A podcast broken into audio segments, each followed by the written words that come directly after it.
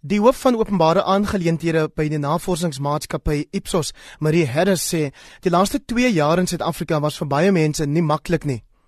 Sy sê Suid-Afrikaners in die algemeen voel die land beweeg nie in die regte rigting nie. Die ekonomiese treurmare duur voort. Politieke onsekerheid het deel van die lewe geword en nasionale sportspanne se prestasies kort dikwels gees. Die ontwikkelingsekonoom Hein Gerwel deel in die positiewe denkstroom vir my is dit eintlik nie verrassend nie. Suid-Afrika is 'n buitengewone, komplekse maar fantastiese land om deel van te wees. En met al die probleme wat ons dink ons het, is ons eintlik in 'n baie goeie posisie om dit te kan bespreek en openlik met mekaar daaroor te kan meelewe. Ek dink dit toon dat ons probeer mekaar se situasies in te sien. Gerwel erken sy optimisme word beïnvloed deur sy persoonlike bevoordeelde posisie. Ek sou 23 jaar gelede nie gedink dat ek by Stellenbosch Universiteit se landbouekonomie aangestel sou wees nie.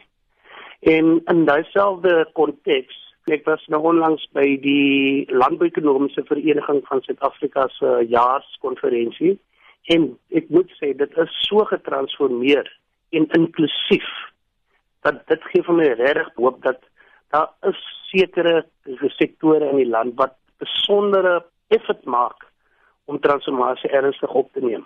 Dit beteken nie hy staar om blind teen die werklikheid van byvoorbeeld groot werkloosheid in die 15 tot 34 jarige ouderdomsgroep nie. 'n Situasie wat die groep pessimisties laat.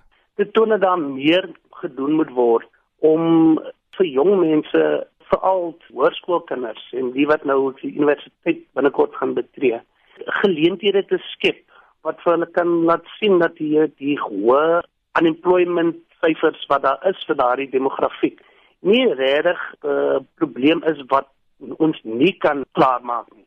Jy weet daar is hoop en daar is geleenthede wat in die verlede vir baie mense nie daar was nie. So ek dink dit is vir ons die ouer generasie as ek dit so mag stel om konstant uit te reik na die jonger spanne toe en vir hulle net hoop te probeer inpraat. Maar dit is natuurlik ook nie so maklik as mense lewenskontekste van die groter meerderheid van Suid-Afrikaners in ag moet neem. So ek dink die hopeloses is die wat in die meer afgeblewe dele van ons samelewing lewe soos in die townships en ehm um, die informele settlements en, en dit is die persone wat daar eintlik meer tastende en uh, deurlopende werk aangedoen moet word. Strukturele aanpassings in die ekonomie is hiervoor belangrik, sê Gerwel.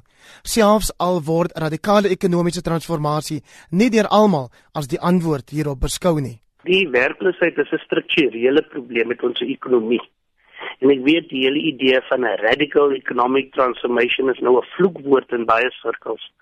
Maar ek dink daar moet so 'n sekere strukturele transformasie moet teweeggebring word as ons in enige geval sal probeer om 'n beter lewe en 'n beter geleenthede vir hierdie deel van ons samelewing te skep. Die Ipsos opname toon ook dat 40% Suid-Afrikaners 'n blink toekoms vir die volgende generasie voorsien, terwyl 43% swartgallig oor die toekoms is. Dit lyk vir my asof dit nogal so gelyke aan beide kante van daardie debat is.